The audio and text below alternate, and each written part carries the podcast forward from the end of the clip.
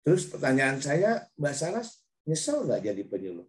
Sama sekali tidak. Justru sangat bersyukur yang seperti saya ceritakan. Bersyukur. Banyak sekali hal yang membuat saya lebih bersyukur menjalani kehidupan ini.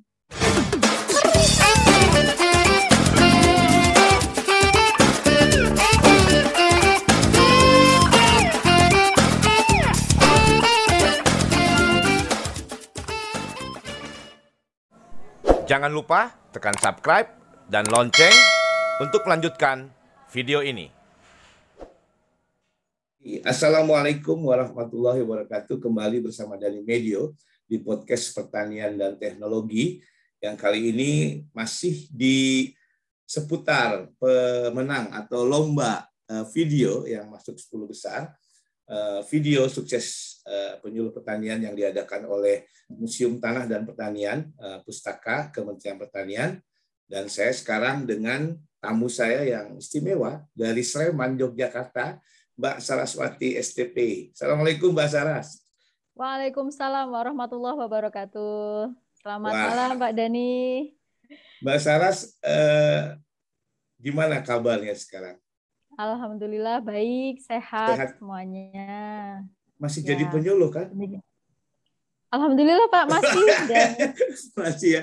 Mbak Saras ya. ini kemarin ikut lomba video sukses story yang diadakan oleh Museum Tanah dan Pertanian dan masuk 10 besar.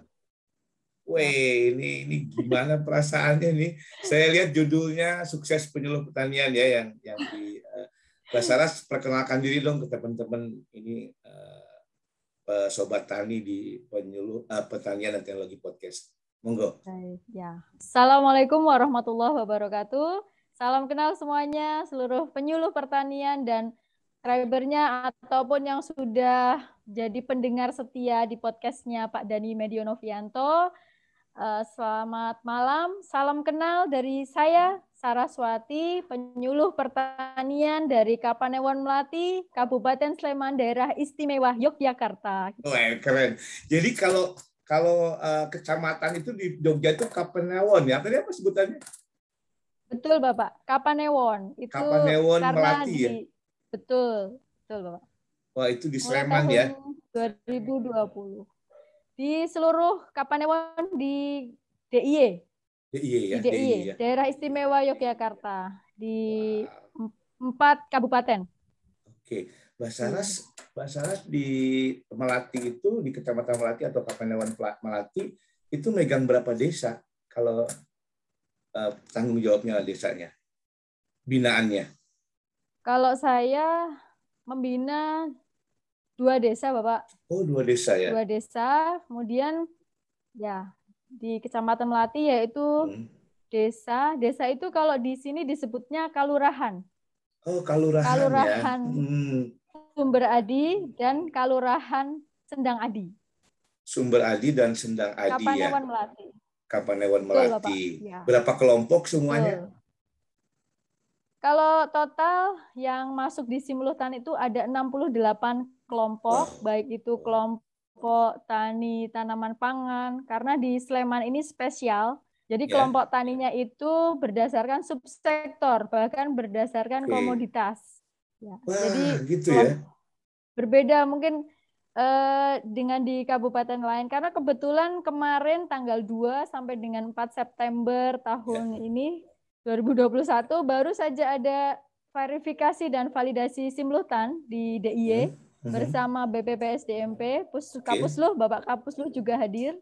Kami juga verifikasi kelompok itu memang ternyata Sleman itu paling beda sendiri daripada oh. kabupaten-kabupaten lain yang ada di Indonesia gitu. Bukan Jadi main ya. sangat bervariasi dan banyak sekali gitu. gitu.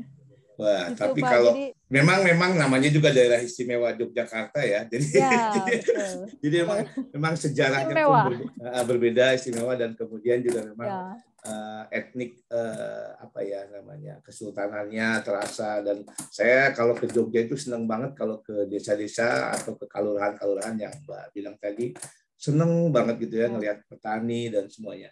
Dan saya juga lihat Mbak Saras di videonya itu uh, apa ya kayaknya deket banget dengan petani ya. Jadi nyamperin gitu ya ketemu setiap hari gitu Mbak ya Mbak ya kayak sudah blended gitu ya Pak ya, yeah. bahasanya anak saya tuh. Sudah blended gitu sama petani kayak udah uh, nggak ada batas gitu ya malah sering yeah. dapat curhatan dari petani-petani kayak itu kayak, kayak yang di video itu saya tuh excited banget ketika dapat video ngobrol sama petani hmm. saya sering ketika kegiatan di lapangan saya bawa tripod saya bawa hmm. handycam jadi itu sebetulnya dokumentasi saya pribadi sebetulnya yeah. pingin banget punya waktu untuk bikin serius di YouTube gitu Pak. Tapi ternyata waktunya itu sempit sekali sebagai penyuluh tuh tanggung jawabnya banyak banget ternyata aduh.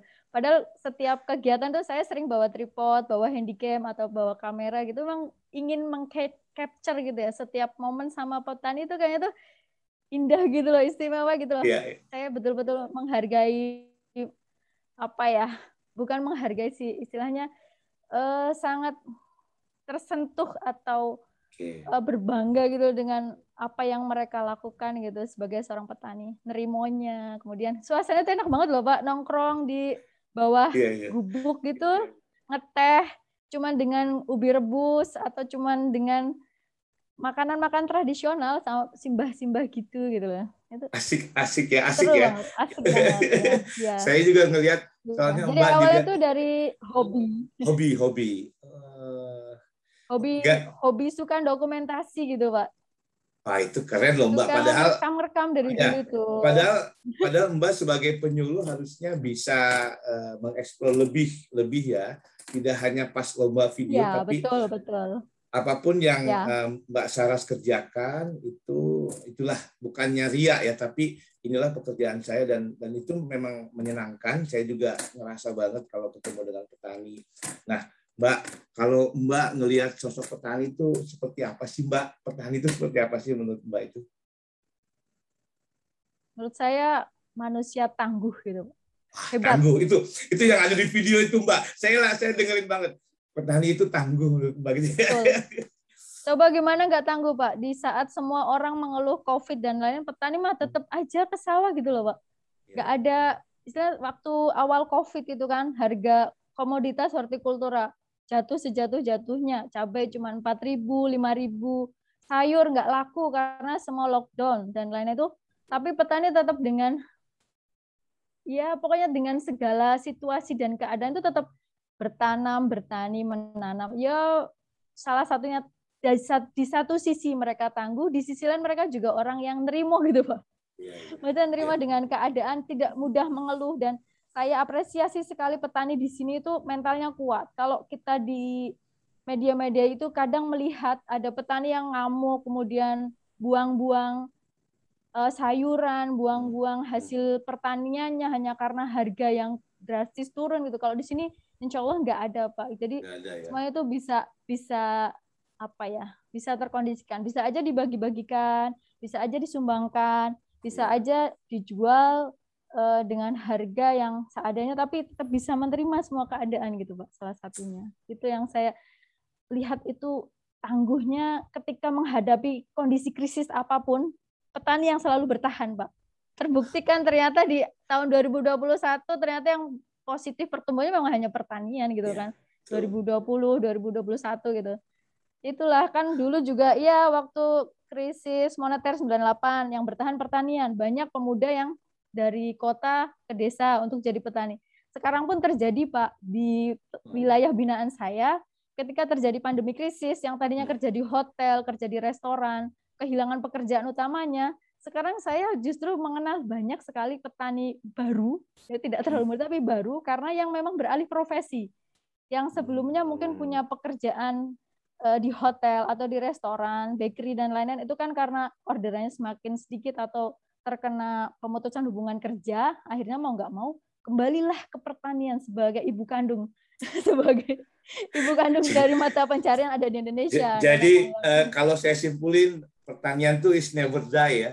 Ya betul. Nggak pernah mati dia, nggak boleh berhenti, nggak pernah mati ya, dan dan itu kalau bayangkan coba Mbak Saras, kalau petaninya nggak nanam aja tiga hari aja, terus ya. ada, kita mau makan betul. apa gitu ya? Itu saya kan ada ini Pak grup uh, itu sejak 2017 waktu saya di Klat Dasar ya 2018 kan sudah punya grup untuk komunikasi petani yang ada di wilayah binaan saya tuh saling menyemangatinya luar biasa Pak di grup sesama petani kayak yang semacam eh, jangan menyerah kita itu petani petani itu adalah penyangga tatanan negari Indonesia gitu jadi petani itu harus kuat petani itu harus tetap berdiri tegak meskipun kondisi negara seperti ini gitu meskipun banyak kebijakan yang nggak berpihak kepada petani gitu kan sering sekali pak petani dikecewakan non sewu yeah. ya ini masuk ke podcast ya. memang memang memang ya. Makanya makanya kalau petaninya hebat penyuluhnya harus harus hebat juga ya. gitu ya Ya, dan energi penyuluh itu juga dari petaninya, Pak. Jadi betul, saling betul. support aja kayak circle energi gitu antara penyuluh dan wow. petaninya saling support oh, gitu. gitu ya. ya. Wow, ini kalau saya tadi sempat eh, cerita-cerita Mbak Saras uh, sudah berapa 12 tahun lebih ya menjadi Siap. penyuluh. Betul. Yes, oh. Pak. Terus pertanyaan saya, Mbak Saras nyesel nggak jadi penyuluh? Sama sekali tidak. Justru sangat bersyukur yang seperti saya ceritakan. Bersyukur. Banyak sekali hal yang membuat saya lebih bersyukur menjalani kehidupan ini. Bertemu dengan petani, bertemu dengan semua uh, aktivitas penyuluh, membantu banyak orang. Itu kan kita memang banyak apa ya sebagai penyuluh itu bahasanya tuh beberapa zoom itu bilang penyuluh itu dituntut seperti manusia setengah dewa gitu satu sisi harus bisa membina wilayah binaannya, harus menjadi fasilitator, harus bisa menjadi motivator, harus bisa warna-warna gitu ya bahasanya. Tapi yeah. di sisi lain kita juga dituntut punya database, kita juga dituntut data ini, data itu, pelaporan online ini itu kadang tuh kayak waktu tuh gak cukup gitu, Pak, untuk menyelesaikan yeah, yeah. ketugasan kita sebagai seorang penyuluh gitu. Jadi kayak semacam kadang obrolan, ya ya kayak penyuluh tuh tuntutannya banyak banget gitu. Kadang malah ya Pak Nunsewu ada beberapa orang atau teman gitu yang mungkin merasa terlalu berat bebannya sebagai penyuluh dan akhirnya mengajukan untuk mutasi ke jabatan yang lainnya gitu kan. Jadi bersyukurnya salah satunya kalau kita nggak diniati niat ibadah gitu ya Pak.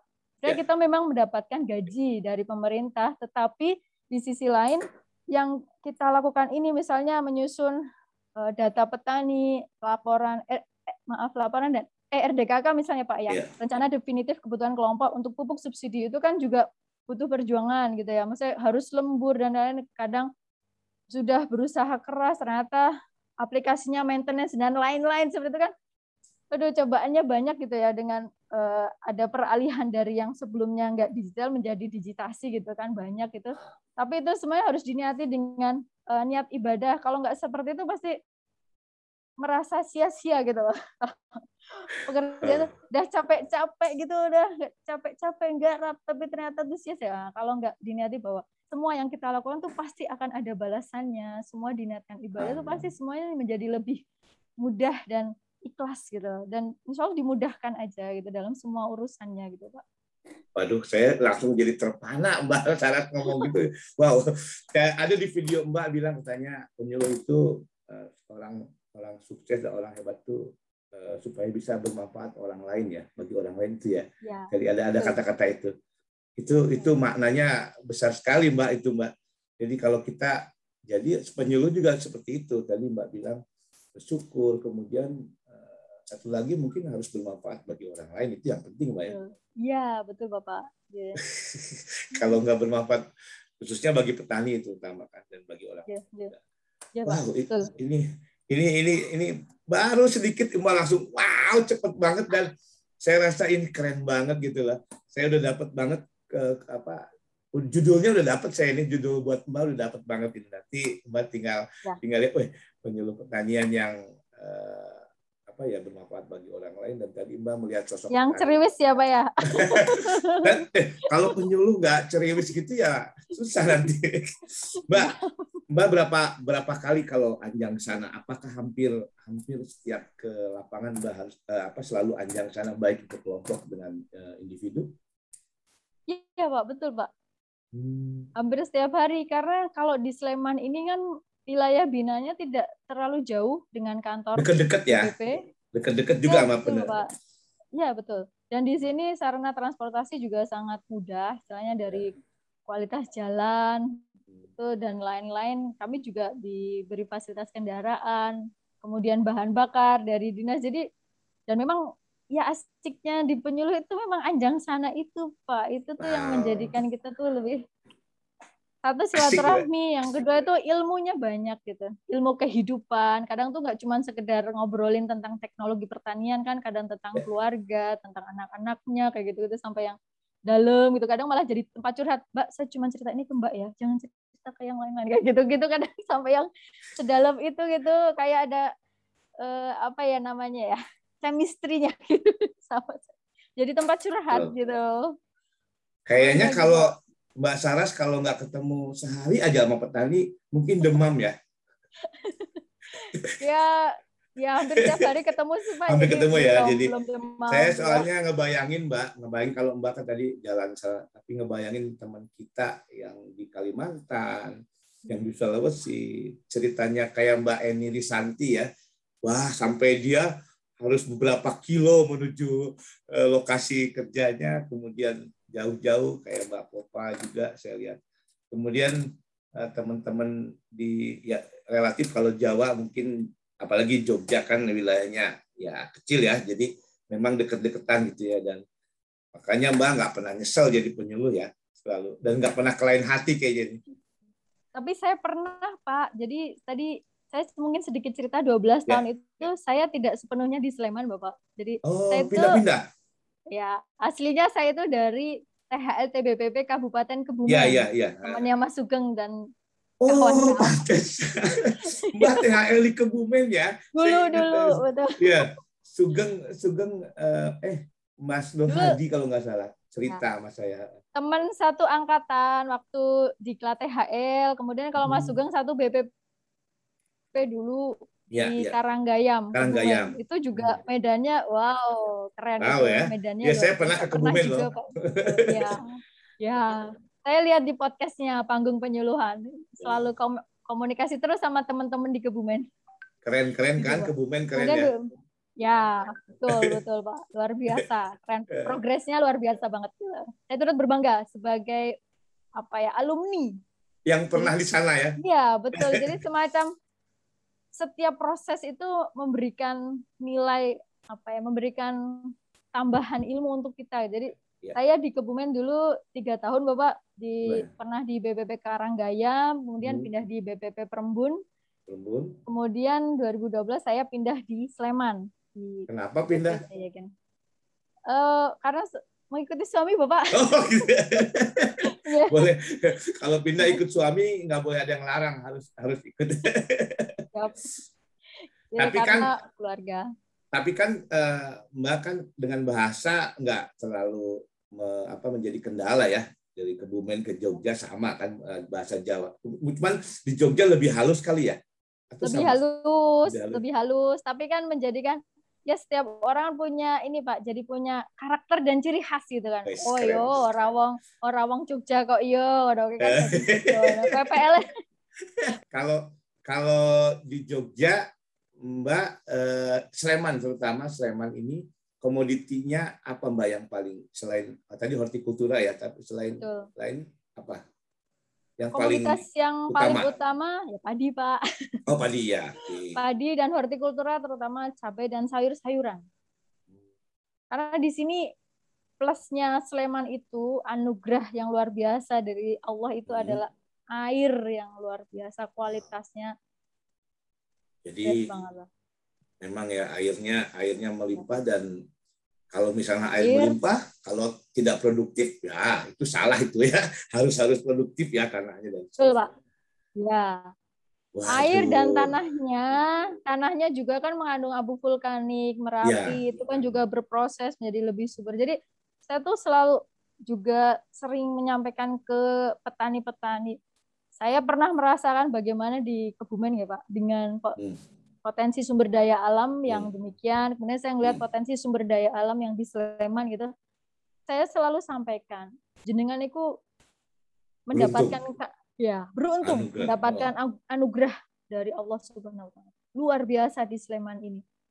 Airnya luar biasa, jernih, terus mengalir sepanjang tahun tanahnya luar biasa subur. Cobalah jenengan main ke Kebumen ke tempat saya, itu musim kemarau tuh tanahnya belah-belah itu. memang betul Pak Jadi kadang tuh kan kalau di kemudian ada musim bero gitu ya Pak ya. Kalau di yeah. Sleman tuh nggak mengenal musim Pak. Sepanjang tahun produktif.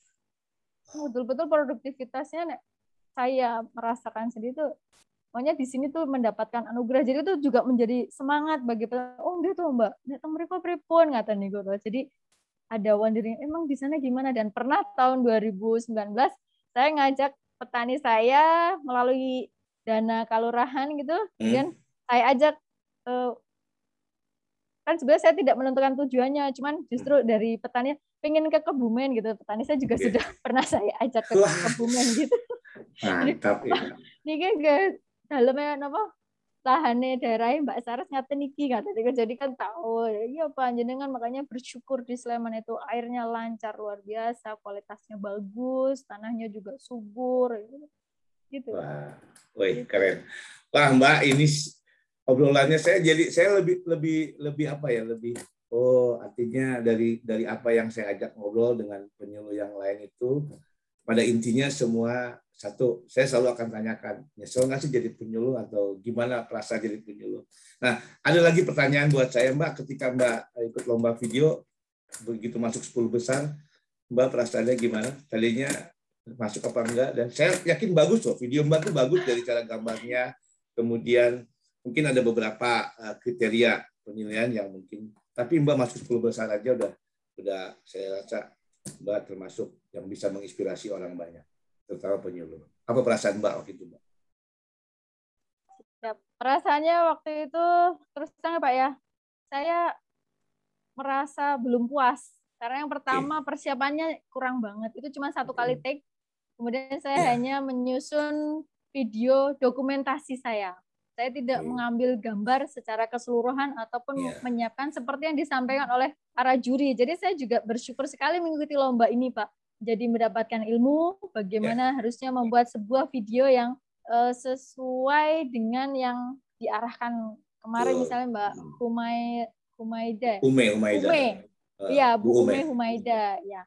Kebetulan waktu itu saya cuma ingin menunjukkan uh, kepada petani saya juga bahwa di sini tuh petaninya tuh luar biasa gitu sebetulnya. Tapi saya emang terbatas waktu waktu itu karena saya lihatnya kan pertama di upload terakhir tanggal sekian belas ya. ya. Kemudian diperpanjang itu juga Panjang. aduh diperpanjang padahal baru aja di baru ada jadi itu malam itu. Kalau tahu terus, diperpanjang saya perbaiki gitu ya. Iya, tapi udah di-upload gitu kan. Ya, udah dikirim. Masa bikin lagi? Udah terus akhirnya uh, ya udahlah seadanya aja gitu. Walaupun akhirnya saya juga ya jelas nggak menang lah kalau kayak begitu gitu kan. Saya juga begitu kan udah sadar diri aja pak itu. Ah nggak menang lah kalau kayak gitu. Udah sejak sebelum pengumuman itu udah udah pesimistis aja karena merasa belum perfect gitu loh. Karena ya gitu kan. Diperpanjang kirain tuh waktunya limitednya hari ini malam ini gitu. Terus ya sudahlah gitu nggak apa-apa lain waktu saya akan coba lagi gitu. Sip. gitu keren, pak. keren. Ya. oke mbak jadi memang uh, apa namanya uh, sesuatu itu memang uh, seperti Bu Umi bilang memang harus harus ter, terencana kemudian kita tulis dengan baik dan pasti hasilnya juga tapi mbak punya sudah ceritanya udah bagus tinggal apa ya dipoles sedikit nanti suatu ketika mbak juga bikin mungkin bikin materi penyuluhan dalam bentuk video itu juga harus tatanan-tatanan apa tahapan-tahapannya harus di, diikuti sehingga baik. Dan banyak pembelajaran dari situ ya mbak ya yang mbak rasakan kan. Jadi uh, jadi itulah yang yang bisa oke okay, mbak Saras ini saya ingin dari mbak Saras harapan kemudian apa yang ingin mbak sampaikan kepada penyuluh pertanian di Indonesia dan khususnya harapan untuk pertanian kita di uh, khususnya di Indonesia ini. Ya. Harapan saya mungkin bukan uh, apa ya. Harapan saya pertanian Indonesia ini kembali menjadi jaya gitu. Pertanian Indonesia okay. menjadi jaya kembali seperti zaman dahulu ketika yeah. ada uh, zamannya waktu Bimas itu Pak. Jadi pertanian itu punya power gitu Pak.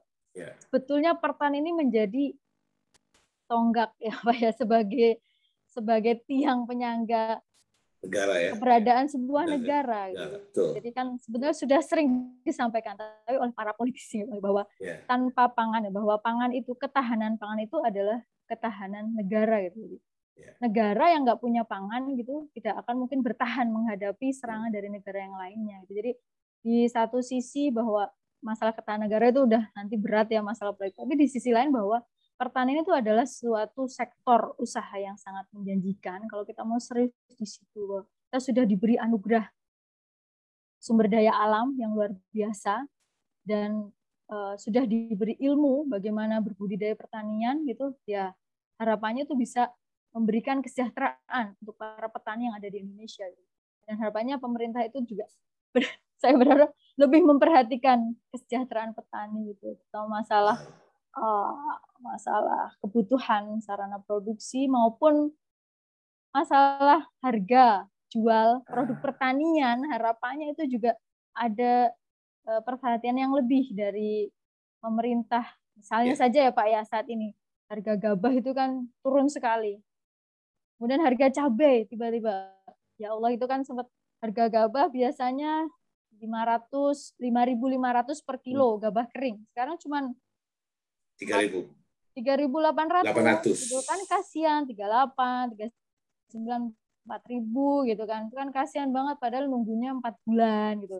Di satu sisi yang tadinya petani cabai menjadi harapan inginnya tuh minimal harga dua puluh lah karena BEP-nya belas. Kalau di sini Pak ternyata harga cabainya 4.100 yang keriting itu 5.000 harga keritingnya cuma 11 13 itu kan juga aduh kayak itu kemarin sempat di bulan-bulan itu petani itu kayak ngelokro Pak itu. Dan betul-betul kita sebagai penyuluh berusaha keras gimana caranya membangkitkan ayo Pak semangat Pak. Bismillah Pak. Insya Allah nanti dengan seperti ini menyediakan pangan itu pahala bagi dengan dan jadi senang gitu kalau sama-sama saling mengingatkan katanya dengan agama juga kan Pak gitu. Jadi sama-sama kita niatkan ibadah sebagai penyedia pangan untuk ini. Bayangin kalau petani gak ada yang nanam Pak, nanti orang-orang yang di pasar mau beli apa, dan kayak gitu-gitu. Senang aja. Harapannya semoga pertanian Indonesia semakin jaya, semoga petani Indonesia semakin sejahtera. Pak. Harapannya untuk pertanian dan petani Indonesia. Untuk teman-teman penyuluh, harapannya semoga semakin bersemangat.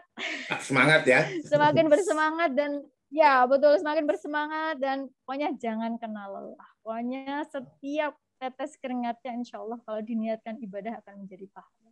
Mungkin Pak itu aja sih Pak. Wih, keren, buat teman-teman apalagi penyuluh muda, penyuluh muda ini tuh betul-betul tumpuan loh Pak sekarang. Yeah, di yeah. maaf ini kalau kondisi di kami ya, penyuluh yang senior-senior yang diangkat zaman Bimas itu hampir sudah pensiun atau sudah purna semuanya. Sekarang betul-betul penyuluh muda ini menjadi tumpuan penyuluhan pertanian yang ada di Indonesia saya kira. Jadi teman-teman ayo semangat seberat apa pun pokoknya kita harus tetap semangat, ya. tangguh ya? untuk menghadapi semua ya semua tugas beban berat kalau harus menjadi manusia setengah dewa ya nggak apa-apa lah kita nanti belajar gimana caranya supaya menjadi manusia setengah dewa gitu tahu bisa enggak tapi insya Allah Bismillah lah dengan pertolongan ya. Allah insya Allah bisa melaksanakan semua ketugasan membantu petani dan itu pak yang kemarin seperti di video saya menjadi sebaik-baik manusia yaitu manusia yang paling bermanfaat, yang bermanfaat. untuk manusia lain ya, ya sebaik-baiknya manusia adalah manusia yang bisa bermanfaat bagi orang lain ya Tuh. wow Tuh. wow Aduh, Sarah, terima kasih nih ya. Saya wow. banyak belajar dari obrolan ini dan mudah-mudahan ini bisa menginspirasi teman-teman penyuluh, terutama yang muda-muda, uh, yang apa, yang baru banget jadi penyuluh. Kemudian jangan pernah lelah, kata Mbak Sarah tadi. Tetap kalau kata Kang Diat Sujatman tuh jangan pernah kendor melayani petani katanya. Dan itu harus ya. uh, kita semangat. Baik, terima kasih Mbak Saras. Obrolannya singkat tapi asik sekali ini. Terus dan tonton terus podcast pertanian dan teknologi. Salam pertanian.